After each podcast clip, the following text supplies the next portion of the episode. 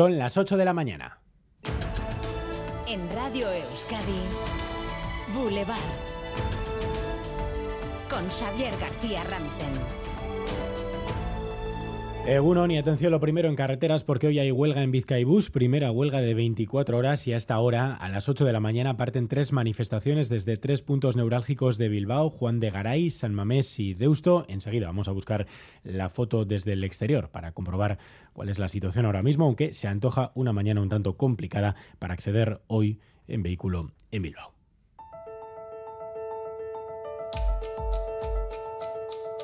Esta mañana visita a Boulevard el portavoz del Grupo Vasco en el Congreso, Aitor Esteban, en un día clave para la reforma de la ley del solo sí es sí. Hoy termina el plazo que se dieron PSOE y Unidas Podemos para acordar cómo va a cambiar esa ley. La ministra de Igualdad decía ayer estar dispuesta a ceder. Nosotras estamos dispuestas a reformar la ley. Estamos dispuestas a aceptar las condiciones que el socio mayoritario de gobierno necesita para salir unidas a hacer frente como gobierno. Juntas Pues de momento nada, el diario El País cuenta esta mañana que el PSOE registrará hoy esa reforma en solitario sin sus socios de gobierno. Y atención a este dato que les ofrecemos esta mañana en Boulevard, más del 10% de las escuelas infantiles autorizadas en Euskadi han cerrado sus puertas en el último año. La bajada de la natalidad es una de las causas de una realidad en la que va a intervenir también la futura Ley Vasca de Educación. Iñaki Larrañaga. En Vizcaya, Guipúzcoa y Araba han cerrado una decena de escuelas infantiles privadas en 2022 y la tendencia parece que se va a acentuar. Las matriculaciones del año que viene se pueden resentir de forma notable porque pierden atractivo las 80 escuelas infantiles autorizadas existentes frente a las novedades del nuevo curso, las aurescolas gratuitas y la concertación de las aulas de dos años. Las privadas reclaman ahora al Departamento de Educación una salida para garantizar su viabilidad. Esta mañana además estamos en directo en el puerto de Bilbao. Desde allí por barco van a salir hoy los 20 vehículos blindados que España enviará a Ucrania. Unidad móvil de Radio Euskadi, Natalia Díaz Egunon. Egunon, sí, aquí desde el puerto todo está a punto para primera hora empezar a cargar estos 20 acorazados en un barco fletado por una de las empresas consignatarias que operan habitualmente en este puerto de Bilbao. Nos dicen que partirá rumbo a Polonia hasta la base de la OTAN en este país para seguir por tierra el camino para entrar por el noroeste de Ucrania. En protesta por el envío de armamento militar hay dos concentraciones convocadas esta mañana aquí mismo en el puerto de Bilbao. Repasamos ya otros titulares con Leire García.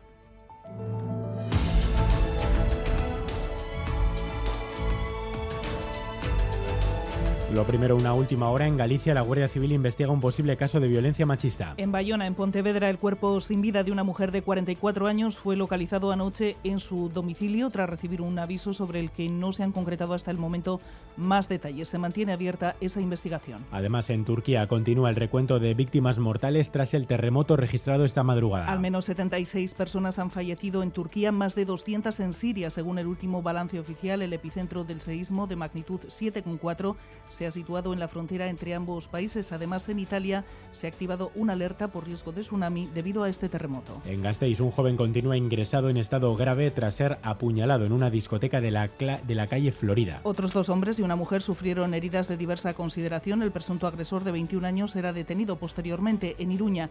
Un joven permanece ingresado en coma inducido tras recibir una patada en la cara en el casco viejo. Hoy se cumplen tres años del derrumbe del vertedero de Zaldívar, en el que fallecieron dos trabajadores. Los restos de Alberto Sololuce fueron localizados medio año después. No fue posible en el caso de Joaquín Beltrán. El colectivo Zaldívar Arguitu organizaba este domingo un acto de recuerdo y pedían que se depuren todas las responsabilidades. En Gasteiz, Denis Ichaso va a explicar hoy más detalles sobre el futuro centro de refugiados. A partir de las 6 de la tarde, reunión abierta a la ciudadanía convocada por la delegación del gobierno en Euskadi. Se va a llevar a cabo en el Centro Cívico Arana. Y anoche vecinos de Agurain, Alchazu o Zalduondo escucharon un fuerte estruendo, una especie de explosión que hizo hasta temblar las ventanas de muchos edificios, tuvo que ver este suceso con un avión. Sonia Hernando. Sí, se pudo escuchar en Sacana, en parte de la llanada alavesa y también en el Goyerri de Guipúzcoa, un fuerte estruendo similar a una explosión que hizo temer que algo grave había sucedido. Se especuló incluso con una explosión en la cantera de Olasti. El alcalde de Agurain nos contaba hace unos minutos cómo hubo momentos de mucha inquietud en la zona. Sí, es cierto que hubo muchas vecinas y vecinos que nos preguntaron y incluso un vecino de Alangua refería que además del estruendo había incluso llegado a, temblar la, la tierra. La Archanza confirmaba el origen de la alarma, el paso de un caza militar a gran velocidad que habría llegado a romper la barrera del sonido.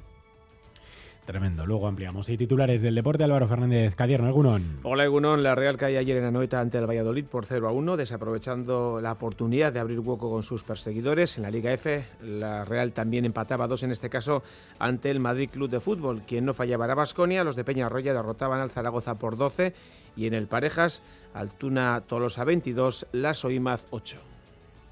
Boulevard. Lural de Bus nos ofrece la información del tiempo. Lural de Bus, a donde vayas, vamos contigo. Euskalmet, Nayara Barredo, Egunon. Egunon, hoy esperamos un tiempo en general tranquilo en el que el frío nos seguirá acompañando. Durante la mañana veremos bastantes intervalos nubosos, sobre todo en la vertiente cantábrica, mientras que en algunos puntos del este y también de la mitad sur podremos ver claros ya desde primeras horas. En esas zonas donde la carga nubosa sea más compacta, no descartamos alguna llovizna puntual. De todos modos, a medida que avance el día, esas nubes irán a menos y por la tarde predominarán los claros en todas las zonas. El viento va a soplar hoy del este o del nordeste y las temperaturas diurnas se moverán entre los 5 y los 10 grados como mucho. Durante la noche el cielo estará bastante despejado, por lo que podría comenzar a helar en puntos del interior, sobre todo de Álava y Navarra. A esta hora se registran 2 grados en Iruña y Agurain, 4 grados en Vitoria-Gasteiz, Tafalla y Urrechu, 6 en Donostia, 8 en Bilbao, Guecho y Bayona. Eguno, zarautzen gaur sortzi gradu, ondo hasi, aio. Caixo, Egunon, en los arcos tenemos 4 grados. Aur. Hola, buenos días. Desde Baracaldo, 8 grados y nublado. Que paséis buena semana. Hasta luego.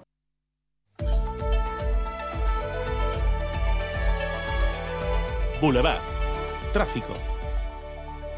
Maider Martín, ¿algún problema en carreteras? Un punto de atención, según registra el Departamento de Seguridad esta hora, en la N633 en Derio, sentido aeropuerto, dos vehículos han colisionado y obstaculizan un carril. Turno de tarde en el hospital. Ocho horas me esperan. Voy a visitar a Laitona, a pasear juntos un ratito. Con las amigas al teatro, qué ganas tenía ya. Porque la vida vuelve y el transporte público es vida. En Lural de Bus, donde vayas, vamos contigo. Ayúdanos a mejorar nuestra información con tus comentarios, fotos y vídeos. Envíalos al WhatsApp de Radio Euskadi 688 840 840.